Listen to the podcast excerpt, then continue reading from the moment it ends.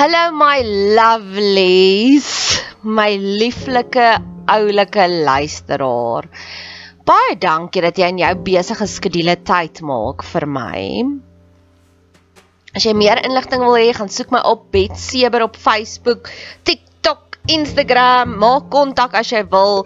Ek hou daarvan om van my luisteraars te hoor en ek het nou onlangs 'n kort videoetjie gemaak van een van my luisteraars hoe sy die mooiste terugvoer gegee het. So wie weet, dalk gebruik ek jou terugvoer ook iewers as 'n leergeleentheid.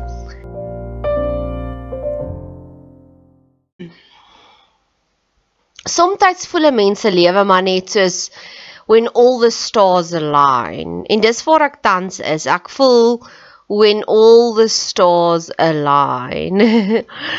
ek het oor die naweek het ek na um inspirasie materiaal geluister van Rob Bell something to write or something to say eerder. En toe sê hy, een van die belangrikste punte is wanneer jy getuig van 'n stukkie van jou storie. So daai was my heel eerste broodkrummel en toe die tweede broodkrummel was my joernalis vriendin wat ek gevra het, "Sal jy asseblief my mentor wees?" En toe sê sy baie vriendelik maar ferm nee. Toe gee sy vir my hierdie golden nugget. Toe sê sy, "Wanneer jy lewendig en wakker genoeg deur die lewe is, is alles jou onderwyser." En daai maak vir my sin. So dis vir ek tans is. Die een ding waarop ek kan getuienis lewer is iets waaroor ek al baie ad nauseam gepraat het op hierdie kanaal in my journal oor my en my pa se verhouding. En ek wil nou hierdie getuienis gee want ek weet ek is nog nie daar nie. Ek is nog nie heeltemal gesond nie. Maar ek weet ook elke keer wanneer ek pause druk en die verhouding gaan herëvalueer, beloon God my op soveel verskillende plekke. En die huidige probleem wat ek het die feit dat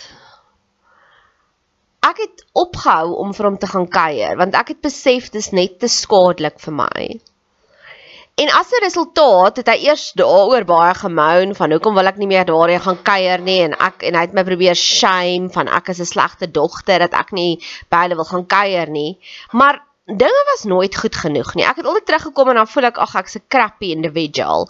Dinge wat ek nie eens geweet het wat 'n probleem is nie, is dan dan ewe skielik 'n probleem. En wanneer iemand net so baie van jou vat, raak dit regtig vir wat jy nie meer daar wil wees nie. So as 'n resultaat het ek al hoe minder en minder tyd wat ek in hom investeer. En nou is sy huidigelike kopus meganisme, sy modus operandi, want ek het nou alselfs agtergekom, selfs al doen ek die moeite en ek bel hom Dit voel vir my asof al daardie aandag en liefde gaan in 'n black hole in. Dit word opgeslurp. Op Vadersdag hierdie jaar het dit sy toppunt bereik waar en dit het nou al keer op keer gekom op hierdie kanaal wat ek dinge werklik waar gaan analiseer het. Dit was Vadersdag, ek het net teruggekom van die Kaap af. Ek het 'n nuwe liefde in my lewe en dis een van die dinge waaroor hy my baie shame is die feit dat ek nog nie getroud is nie. En ek het hom gebel entoesiasties en gehoop hy sal uitvra oor die naweek en hy het nie.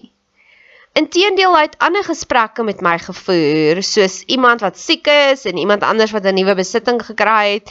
Nou that don't impress me much. Rarig ek is nie daar om jou pain body te stoke nie en dis al wat hy doen. Ek het baie simpatie vir wanneer mense siek is, maar as dit alles wat jy my voorgebruik net om daardie empatie uit my uit te suig, Of weer eens as jy net wil hê ek moet weer jou cheerleader wees omdat iemand 'n bate gekoop het, ek gaan nie dit doen nie. So ek het gehoor dis wat hy verwag.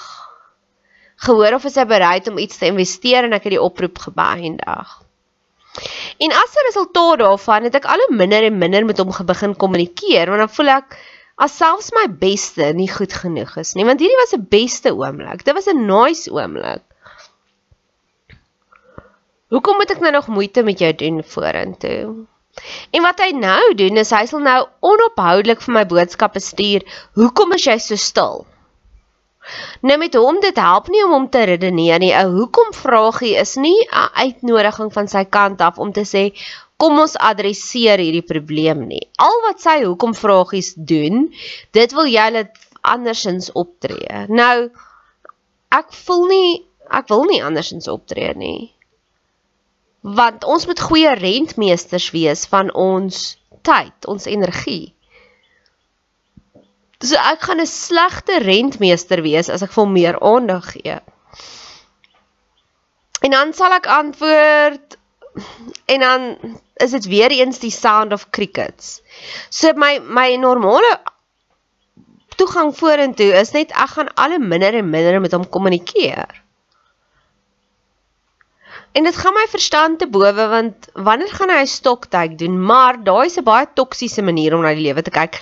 Ek kan nie beheer uitoefen oor wat hy doen nie. Al wat ek beheer kan uitoefen is wat ek daaromtrent gaan doen.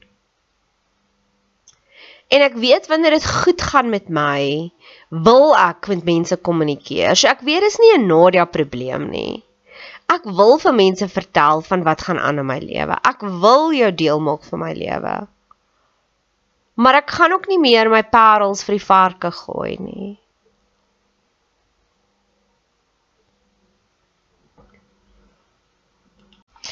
So hier is my basiese beginsels. 1 Ek dink ek kry twee tipe van ouers. Die een ouer wat kinders maak net om hulle het behoeftes. En dan verwag hulle daai kinders met leemtes in hulle lewe vervul. Dis nooit 'n kind se plek om leemtes te vervul in 'n ouer se lewe nie. Ouers moet kinders maak want hulle het soveel liefde vir mekaar. Hulle kan die liefde nie meer tussen mekaar contain nie. En dan maak hulle 'n derde kanaal waarin hulle net kan investeer. Dis dieselfde met 'n liefdesverhouding. Ek het oor die naweek het ek na 'n podcast geluister wat hy sê romanse misluk wanneer daar twee partye is wat net met verleemtes na mekaar toe kom. Ek het 'n huishulp. Ek betaal haar om my huis te kom skoonmaak. Ek het sekere verwagtinge van haar. Ek en sy is nie in 'n liefdesverhouding nie. Ons is nie in 'n ouer-kind verhouding nie.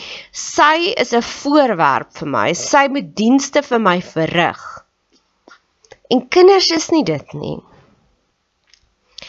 Maar in dieselfde asem kom my Karel vanaand die kuier en ek is besig om my stoep af te vee sodat dit mooi skoon is.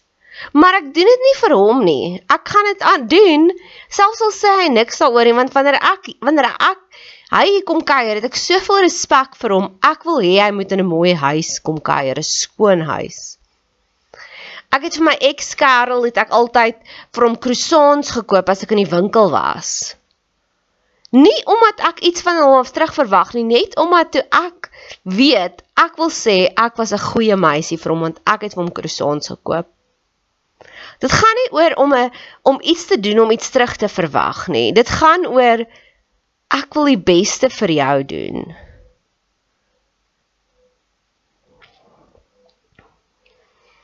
En ek dink wanneer daardie verwagtinge verskei word, is dit toksies. En jy kan sê ek wil nie meer saam speel nie.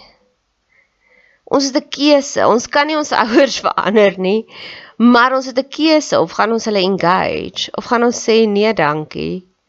Jy is nou net vir my 'n voorbeeld van alles wat ek nie wil wees nie. Ek gaan nie my leemtes op ander mense projekteer nie want dis wat hy doen. Jy's te stil. Nog 'n plek waar ek hom misluk het. En iemand wat nie eers die goeie in ander mense kan sien nie. Jy kan hulle voor 'n Mona Lisa sit en hulle gaan nog steeds fout vind daarbye. Ek het gister so 'n pasiënt gehad en toe sê sy vir my, hulle was by Irene Country Club en dit was aaklag van begin tot einde. En toe dink ek, my liefie, jy het soveel om voor dankbaar te wees. 3 jaar terug hierdie tyd mag ons nie eens in restaurante gewees het en nou het jy die keuse van om na watter restaurante te gaan. Tweede van alles, jy het 'n vriendin wat saam met jou wil tyd spandeer wanneer jou hart en jou uitkyk reg is, kan jy 'n paai eet in 'n shopping mall se parking area. En die paai kan koud wees en smaakloos en selfs dit sal lekker wees. Dit gaan alles oor jou state of mind.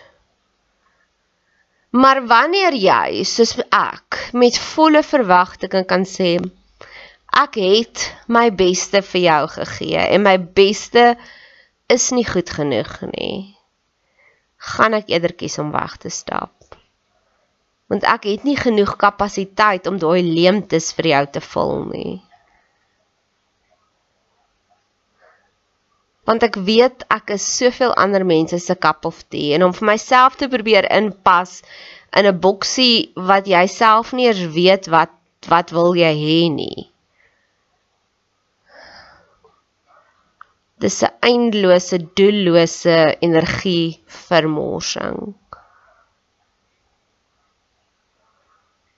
Ja, en dalk bid ek nou dat die Here hom sal blind maak of iets soos dit dat hy net nie weer vir my so boodskap stuur nie. Of aan die ander kant dat as dit weer gebeur ek weet Robel se volgers het op 'n stadium elke keer wanneer hy gesê het raise your glasses het hulle 'n drinking game daar begin en dalk moet ek elke keer dalk moet ek myself 'n bottel tequila koop want ek love tequila. En elke keer wanneer my pa so iets weer stuur van jy wil nie vir my jy is te stil moet ek nou maar net saam met iemand 'n tequila gaan drink en sê dit was nou weer een van daai oomblikke om iets mooi daar uit te maak. Ek weet nie. Ek het vir jou nog 'n storie van bevestiging. So vir baie lank het ek hierdie issue gehad oor my pa se of my sê hy's lief vir my en dan voel ek dis nie hoe liefde voel nie. En verlede week het ek hierdie podcast ontdek wat hy vertel van how to practical love. En elke een van hulle is my pa epic fail op. En dan sê ek soos dis hoekom ek so issue het want baie keer sal ek met mense sê hy sê hy's lief vir my maar hy wys dit nooit nie. En as almal sê nee maar jy moenie so krities wees nie Nadia. Nou het ek amper soos 'n wetenskaplike bewys om te sê op elke een van daai kan ek wys hoe was hy nie lief vir my nie. Hoe het hy geleentheid gehad om vir my liefde te wys? En wat hy vir my gewys het was anti-liefde En ek wil afsluit want ek weet die Here sal my ook so 'n 'n konkrete bemoediging kom gee op hierdie ding. Op hierdie feit dat ek vermy hom en hy plaas dit al meer en meer druk. Verlang het ek gevoel dat my planne, my drome, my core human being was nooit goed genoeg nie. Op skool was dit uit wou hy wou sportster gehad het en akademies baie sterk. Nou ek was akademies average, maar ek het eintlik was ek nie average nie. Ek was above average, maar ek was nie top 10 nie. En dit was nooit erken van well done Nadia. Jy ons is nog steeds trots op jou nie. Nee, dit was soos okay, akademies, jy's nie te sleg nie, maar as jy nou sal top 10 wees, dan gaan ons trots wees op jou. En verlang het ek aan 'n kompleks gelei van ek is nie goed genoeg nie. En sport, ek was glad nie sportief nie, glad nie. Ek het my beste gegee, maar ek het goed gedoen in hokkie en daar was ander dinge, ag nee, in hokkie nie, in trompoppies. En as ek moet kyk hoe daar net niks ondersteuning vir dit gegee is, nê. En nou eers begin ek soos te vind, o ja, maar weet jy wat, as dit en dit vir jou gegee is, waar kon jy gewees het? En ek is nie spyt nie, maar die punt van die saak wat ek wil sê is, nou nog voel dit ook so vir my. As jy A en B doen, dan is jy sy favorite, maar as jy C en D doen want dis vir jou lekker, is dit nul op 'n kontrak. En wat ek nou wil sê is, dis hoe die Here my kom bemoedig, want met my nuwe kuil kom ek agter, hy sal heeltyd vir my sê, ek het geweet jy sal daarvan hou. Hy lees my en hy gee vir my geleenthede. Soos vir hom is dit die lekkerste ding om te probeer uitfigure van wat se Netflix sal ek hou. Hy forceer nie op my sy Netflix af nie. Hy soek 'n Netflix wat ons albei sal van onthou. En dis 'n klein oomblikke van healing wat net vir my so amazing is. En die laaste storie waarmee ek graag jou lewe wil verryk Dalk sit jy ook in 'n familieprobleem en dit voel amper vir jou asof die oomblik wanneer jy begin sê maar dit is jou ouers, is jou ma of jou pa, shame almal jou asof jy die probleem is. Moenie dit vat nie. Want verlede jaar aan die einde van die verlede jaar het ek deur 'n break-up gegaan En die mense wat my geshame het omdat ek so so 'n moeilike verhouding het met my pa, het my ongelooflik aangecheer omdat ek hierdie boy ex-boyfriend van my uit my lewe uitgesny het. En na die tyd het dink ek met myself, dit wat die ex-boyfriend gedoen het, is 'n druppel in die emmer in vergelyking met die skade wat my pa in daai einste jaar vir my veroorsaak het. So hoekom is die een sleg en die ander een nie? Net omdat hy my pa is. En dit het ek ook 'n podcast daaroor ook geluister wat die vrou se naam is Tara Westover wat sy ook sê mense shame jou as jy 'n probleem het met jou ouer. En ek het al hierdie eksperiment met mense gedoen wat ek sal sê daar's hierdie persoon in my lewe maar dan sê ek nie wie dit is nie en dan sê ek hy doen dit dit en dit en dan is almal soos oh, ja dis verskriklik jy moet jy moet hom uitsny en As ek sê, "O ja, dis my pa." Nee, jy kan nie. Dis amper asof die mense begin irrasioneel dink as dit 'n ouer is. En ek dink dis alles 'n projeksie van hulle eie twyfeling en hulle eie ouerskap. Waar mense wat gesonde ouers is, projekteer nie dit op jou nie. Hulle sê, "Ja, sny hom uit, Nadia." Al sê dit is jou pa. Hulle cheer my inteendeel aan. My een vriendin sal sê sy het 'n brein um ja, sy het 'n baie erge beroerte gehad. Sy het 'n brein, 'n ongesonde brein. Ons sal sy ook vir my sê Nadia, mense besef nie wat se harde werk kry dit om daai eindproduk te lewer nie. Sy's 'n skrywer. En dis wat ek vir jou en vir my ook wil sê. Mense besef nie as jy ouer het wat 'n probleemgevalletjie is, wat se groot agterstand het jy nie? Dis amper asof ons disleksia het en ons moet swat. En ons almal anders is maar dis so maklik. Eer jou vader en jou moeder, dis so maklik. Ja, want jy het nie disleksia nie. Jy verstaan nie wat se monsters wat ons moet veg nie. Jy verstaan nie hoe breek ons hart elke keer as iemand anders 'n storie vertel van hulle amazing pa en jy besef net, "Jep, dis nog 'n plek waar ek uitgemis het." En jy besef, "O, dis wat ouers doen." En dis amper asof jy elke dag rou want jy besef dit wat jy gedink het, wat jy werd is, is nie die waarheid nie eintlik dis wat gesonde ouers doen. En weet jy wat daar is 'n oomblik van rou. Daar is 'n oomblik van dit maak jou seer.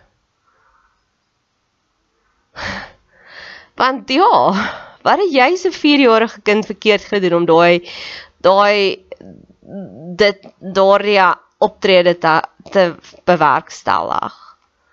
En emosionele mis, misbruik is baie erger as fisiese misbruik. So ja, hierdie is die 300 daai liedjie van I would walk 500 miles. Dit is wat ek keer op keer vir myself speel. I would walk 500 miles om my eie genesing te kry want ek weier om hierdie lewe aan te pak as 'n slagoffer.